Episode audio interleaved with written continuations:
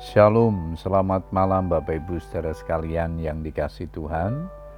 Kita bersyukur kepada Tuhan atas segala kebaikannya dalam hidup kita yang sudah menyertai dan memberkati kita sepanjang hari ini.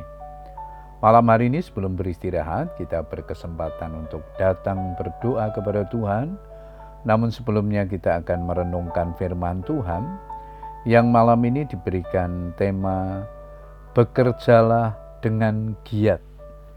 Ayat mas kita di dalam 2 Tesalonika 3 ayat yang ketujuh dan delapan firman Tuhan berkata demikian. Sebab kamu sendiri tahu bagaimana kamu harus mengikuti teladan kami, karena kami tidak lalai bekerja di antara kamu dan tidak makan roti orang dengan percuma tetapi kami berusaha dan berjerih payah siang malam, supaya jangan menjadi beban bagi siapa pun di antara kamu. Bapak Ibu Saudara sekalian, Alkitab menyatakan bahwa bekerja adalah perintah Tuhan bagi manusia sejak dari semula. Tuhan Allah mengambil manusia itu dan menempatkannya dalam Taman Eden untuk mengusahakan dan memelihara taman itu. Kejadian 2 ayat 15. Kata mengusahakan dan memelihara merujuk kepada suatu pekerjaan yang harus dilakukan.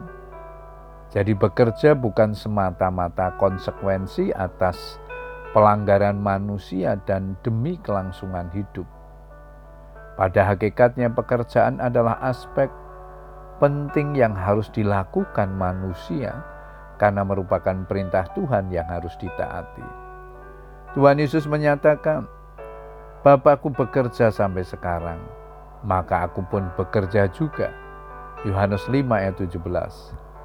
Penegasan Tuhan Yesus mengenai dirinya yang bekerja sampai sekarang membuktikan bahwa dia adalah pekerja yang aktif.